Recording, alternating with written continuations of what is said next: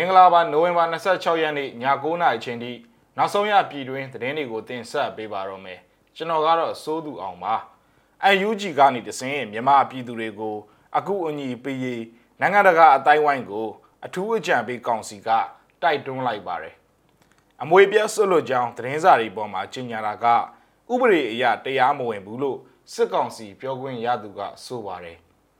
NLD အမတ်ဦးကျော်စိုးနိုင်ကို မတွေ့လို့ သူ့ရဲ့ညီဖြစ်သူကိုစစ်ကောင်စီတပ်ကဖမ်းဆီးသွားပါတယ်။ဖုန်းနံပါတ်65လုံးကိုငွေသွင်းငွေထုတ်ယာယီတားမြစ်ဖို့နဲ့ဗန်စင်ရင်စီစစ်ဖို့ဗဟိုဘဏ်ကညွှန်ကြားတဲ့စာပေါက်ကြားလာပါတယ်။နိုင်ငံတကာသတင်းတွေဘက်မှာတော့စစ်မြေပြင်စကားပြန်ဖြစ်လာတဲ့မာလီအဲလန်ညွန်တွေရဲ့အကြောင်းကိုလည်းတင်ဆက်ပေးဖို့ရှိနေပါတယ်။မိဘတွေအနေနဲ့သားသမီးတွေကိုအမွေပြတ်ဆွန့်လွတ်ကြောင်း နိုင်ငံပိုင်သတင်းစာတွေပေါ်မှာထည့်သွင်းကြေညာတာဟာ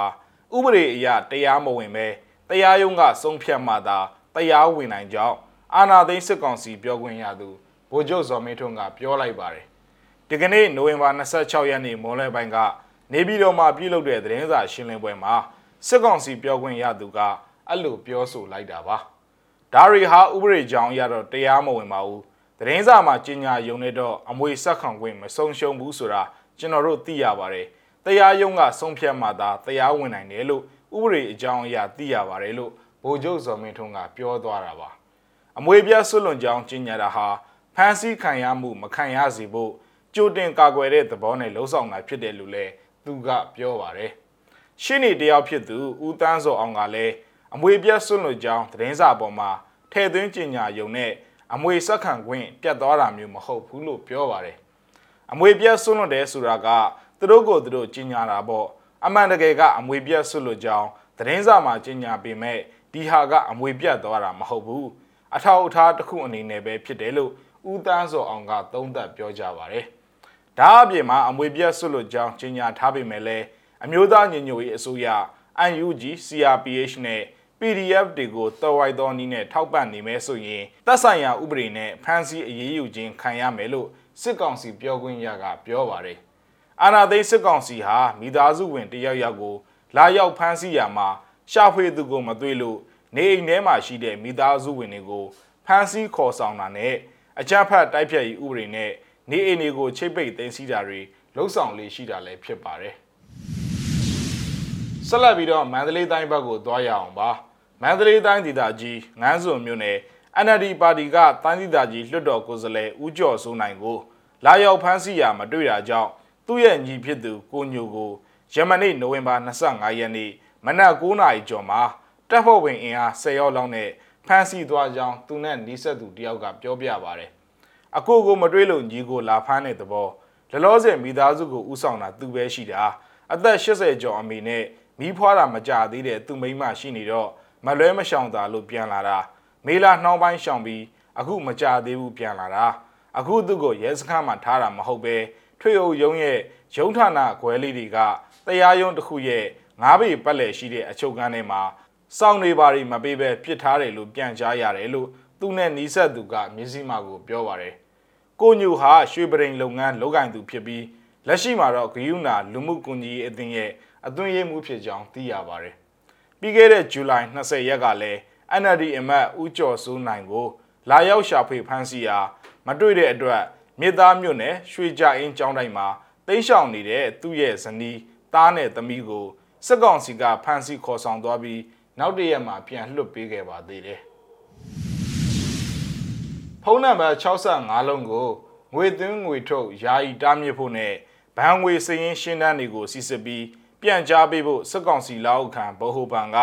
ညွှန်ကြားထားတဲ့စာတစ်စောင် လူမှုကွန်ရက်စာမျက်နှာတွေပေါ်မှာပေါက်ကြားလာပါတယ်။နိုဝင်ဘာ24ရက်ရက်စွဲနဲ့ဘန်ဒီအားလုံးနဲ့မိုဘိုင်းငွေကြေးဝန်ဆောင်မှုပေးသူအားလုံးကိုလိမ့်မှုပြီးအကြောင်းကြားထားတဲ့အဲ့ဒီညွှန်ကြားစာကိုဗဟိုဘဏ်ဒုတိယဥက္ကဋ္ဌကိုစားညွှန်ကြားရေးမှူးဦးအောင်ကျော်တန်းကလက်မှတ်ရေးထိုးပေးပို့ထားပြီးငွေကြေးခွာချမှုတိုက်ဖြတ်ရေးအဖွဲ့အစည်းမိတူပေးပို့ထားတာကိုမြင်တွေ့ရပါတယ်။လှုပ်ဝက်အဆင့်တန်းတတ်မှတ်၍ဟူသောစာစုကိုမှင်အနက်နဲ့ထင်ရှားစွာရေးသားထားတဲ့ စစ်ကောင်စီငွေကြေးခွာချမှုတိုက်ဖြတ်ရေးအဖွဲ့ကထုတ်ပြန်တဲ့စာကိုမြန်မာနိုင်ငံတော်ဗဟိုဘဏ်ကတဆင့်ဘဏ်ဒီအားလုံးနဲ့မိုဘိုင်းငွေကြေးရေးဝန်ဆောင်မှုပေးသူတွေကိုရည်ညွှန်းပြီးပေးပို့ထားတာလည်းဖြစ်ပါတယ်။လူမှုကွန်ရက်မှာပြန့်နှံ့နေတဲ့ညွှန်ကြားစာမှာ9သိန်းနဲ့10သိန်းအကြားလှူဒန်းထားတဲ့ဖုန်းနံပါတ်2လုံးတသိန်းနဲ့9သိန်းကြားလှူဒန်းထားတဲ့ဖုန်းနံပါတ်28လုံး9000နဲ့တသိန်းကြားလှူဒန်းထားတဲ့ဖုန်းနံပါတ်36လုံးကိုလည်းရှင်းတွဲဖော်ပြထားပါတယ် အဆိုပါဖုန်းနံပါတ်65လုံးနဲ့ပတ်သက်ပြီးဘဏ်တွေမှာငွေစည်းရင်းဖွင့်လှစ်ထားတာရှိမရှိမိုဘိုင်းငွေကြေးဝန်ဆောင်မှုလုပ်ငန်းတွေမှာအကောင့်ဖွင့်လှစ်ထားတာရှိမရှိစစ်ဆေးပေးဖို့ညွှန်ကြားထားတာလည်းဖြစ်ပါတယ်အကောင့်ဖွင့်လှစ်ကြောင်းစစ်စစ်တွေ့ရှိရင်ငွေသွင်းငွေထုတ်မပြုလုပ်နိုင်အောင်ယာယီတားမြစ်ပိတ်ပင်ခိုင်းတာပြီးအကောင့်တွေရဲ့ပန်ရှင်နာမည်အဖေနာမည်နိုင်ငံသားစစ်စေးရေးကတ်အမှတ်နေရလိပ်စာဘဏ်ငွေစည်ရင်ရှင်းတန်းတွေကို၃ရက်အတွင်းပြန်ကြားပေးဖို့ဗဟိုဘဏ်ကထုတ်ပြန်တဲ့ အဆိုပါလှုပ်ဝက်စာမှာရေးသားထားတာလည်းဖြစ်ပါတယ်မြန်မာနိုင်ငံမှာပြည်သူတချို့စာလောင်ငတ်မမှုနဲ့ရင်ဆိုင်နေရတဲ့အခြေအနေတွေရှိနေစဉ်နိုင်ငံတကာအတိုင်းဝိုင်းအနေနဲ့အမျိုးသားညီညွတ်ရေးအစိုးရ UNG နဲ့ချိတ်ဆက်ပြီးမြန်မာပြည်သူတွေကိုအကူအညီအထောက်အပံ့တွေပေးဖို့လိုအပ်ကြောင်းမြန်မာနိုင်ငံဆိုင်ရာအထူးအကြံပေးကောင်စီ SACM ကတိုက်တွန်းခဲ့ပါတယ်။ UNG ကိုမြန်မာနိုင်ငံရဲ့တရားဝင်အစိုးရအဖြစ် တရားဝင်အတိမတ်ပြုဖို့နိုင်ငံတကာအတိုင်းဝိုင်းဘက်ကတုံဆိုင်ကြံ့ကြာနေတာဟာရလက်တစ်ခုအဖြစ်နိုင်ငံတကာအစည်းအဝေးတွေမှာမြန်မာကိုစားပြုမှုမရှိဘဲဖြစ်နေကြကြောင်း SACM က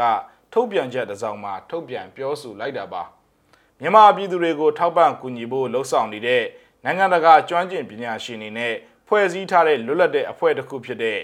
SACM ကပြောကြားရမှာမြန်မာနိုင်ငံရဲ့စစ်မှန်တဲ့ကိုယ်စားလှယ်တွေနဲ့ တရားဝင်ချိတ်ဆက်ပတ်သက်မှုမရှိတာဟာအာဏာသိမ်းစစ်အုပ်စုကြောင့်ဖြစ်စေခဲ့တဲ့အကြက်အတဲတွေအပေါ်ကိုအရေးတကြီးတုံ့ပြန်ဖို့လိုအပ်တဲ့နိုင်ငံတကာတုံ့ပြန်မှုတွေကိုတန့်ဤစေလျက်ရှိကြောင်း SACM ကပြောပါတယ်မြန်မာနိုင်ငံအတွက်ထိရောက်ပြီးတင့်တော်တဲ့နိုင်ငံတကာအကူအညီတွေအရေးတကြီးလိုအပ်နေပါတယ်အာဏာသိမ်းစစ်တပ်ဟာမြန်မာနိုင်ငံမှာဆင်းရဲဒုက္ခတွေဖြစ်စေတဲ့အကြောင်းအရင်းဖြစ်ပါတယ်အဲ့ဒါကဖြည့်ရှင်းချက်အဖြေတစ်ခုမဟုတ်ပါဘူးလို့ SACM ကပြောပါတယ်နိုင်ငံတကာအတိုင်းဝိုင်းအနေနဲ့ UNG ကိုတရားဝင်အသိမှတ်ပြုရပါလိမ့်မယ်ပြီးတော့အရေးတကြီးဖြစ်ပြီးတစ်ချိန်တည်းဖြစ်ပေါ်နေတဲ့နိုင်ငံရေးလုံခြုံရေးလူသားချင်းစာနာမှုလူအခွင့်အရေးနဲ့စီးပွားရေးအကြက်အသေးတွေပေါ်ရှေ့နောက်ညီညွတ်တဲ့နိုင်ငံတကာတုံ့ပြန်မှုတစ်ခုဖြစ်စေဖို့ UNG နဲ့လက်တွဲချိတ်ဆက်လှုံ့ဆော်ရပါလိမ့်မယ်လို့ SACM ကပြောခဲ့ပါတယ်နိုင်ငံတကာအတိုင်းဝိုင်းအနေနဲ့ UNG နဲ့အကြား တရားဝင်လှုံ့ဆော်နိုင်တယ်လို့လှုပ်လဲလှုံ့ဆော်တင်ကြောင်းနဲ့နေဆက်တွေကနေဖြတ်ပြီးနိုင်ငံတဲ့အကူအညီတွေရောက်ရှိစေပြီးလိုအပ်နေသူတွေစီကိုပေးဖို့ဖို့လှုံ့ဆော်ရမှာဖြစ်ကြောင်း SACM ရဲ့အဖွဲ့ဝင်တယောက်ဖြစ်တဲ့ Chris Sidoti ကပြောခဲ့ပါတယ်မြန်မာနိုင်ငံတဝါမှာအာဏာသိမ်းစစ်တပ်ကလမ်းတွေကိုဝင်ထွက်မှုပိတ်ပင်တာလူအစုအဖွဲ့တွေရဲ့အစာအသောက်နဲ့စေဘက်ဆိုင်ရာပစ္စည်းတွေကိုဖျက်တောက်တာအစာအစာတူလောင်မှုတွေကိုမီးရှို့တာနဲ့ ကျွဲနွားတလိษံတွေကိုတပ်ဖြတ်တာတို့လှုပ်ဆောင်ထားခဲ့ကြောင်းကိုလည်းအဆိုပါအဖွဲ့ကပြောပါတယ်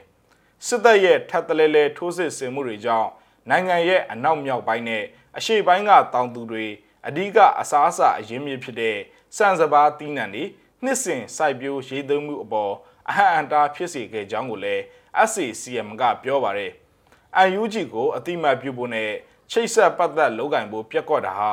မြန်မာပြည်သူတွေရဲ့ဒီမိုကရေစီလှုပ်ရှားမှုကို ထိခိုက်ရောပါစေမယ့်အနေရရှိကြောင်း SACM ရဲ့မူလအဖွဲ့ဝင်တယောက်ဖြစ်တဲ့မာဆူကီဒါရစ်မန်ကပြောသွားခဲ့ပါသေးတယ်ခင်ဗျဆက်လက်ပြီးတော့နိုင်ငံတကာသတင်းတွေဘက်ကိုလည်းတွားရအောင်ပါစစ်မြေပြင်စကားပြန်ဒီဖြစ်လာတဲ့မာလီအဲလန်ညိုရီရဲ့အကြောင်းကိုလည်းကြည့်လိုက်ရအောင်ပါ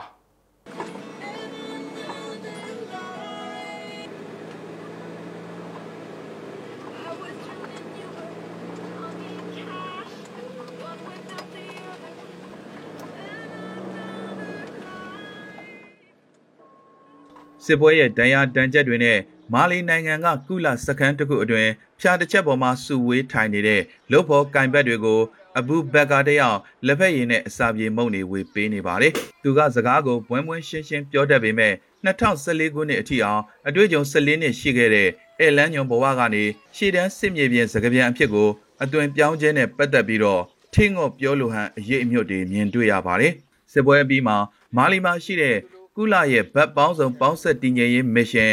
MINUSMA ဆိုင်ရာဗြိတိရှလက်အောက်ခံဘာသာပြန်တူအဖြစ်၎င်းရဲ့လုပ်ငန်းကိုမြင့်တင်ခဲ့ပါတယ်။အရင်ကလူပြူခီးသွားတွေကိုကိုတွေကအကာအကွယ်ပေးခဲ့ရတာအခုတော့သူတို့ကတပြန်ခြုံလူထဲမှာဝတ်ရင်ကိုတွေကိုကာကွယ်ပေးနေရတယ်လို့သူကပြုံပြုံလေးပြောပါတယ်သူ့လိုမျိုး UN ရဲ့အပြာရောင် helmet တွေစောင်းပြီးတာမရှက်ဆောင်းဟိုင်းနဲ့ RV စကားပြောတတ်တဲ့စကားပြန်တွေဒီမှာဒါဇင်များစွာရှိပါတယ် သူနှာခေါင်းပေါ်ထိအောင်ပဝါကိုဆွဲချလိုက်ပြီးမျက်မှန်အနက်တလက်တက်လိုက်ချိန်မှာသူ့ကိုမှတ်မိဖို့မလွယ်သလောက်ဖြစ်သွားခဲ့ပါတယ်။အရင်ကလှုပ်ခဲ့ရတာတွေနဲ့အရန်ကွာခြားပါတယ်။ဒါပေမဲ့ရည်ရွယ်ချက်ကတော့အတူတူပါပဲ။ကိုယ်နိုင်ငံအကြောင်းနိုင်ငံသားတွေကိုရှင်းပြဖို့ပါပဲလို့အဘူဘကာကဆိုပါတယ်။1990နဲ့2000ခုနှစ်တွေကြားကခီးသွွားလုပ်ငန်းရွှေခေတ်ကာလမှာဒေတာတွင်းအဲလန်းညွန်များစွာရှိခဲ့ပါတယ်။ဒါပေမဲ့ခွဲထွက်ရေးလှုပ်ရှားမှုများနဲ့ ဂျီဟတ်ဝါဒီအုပ်စုတွေကခီးသည်တွေတွာလာရာဒေတာတွင် မလုံခြုံမှုတွေဖြစ်လာစေခဲ့တဲ့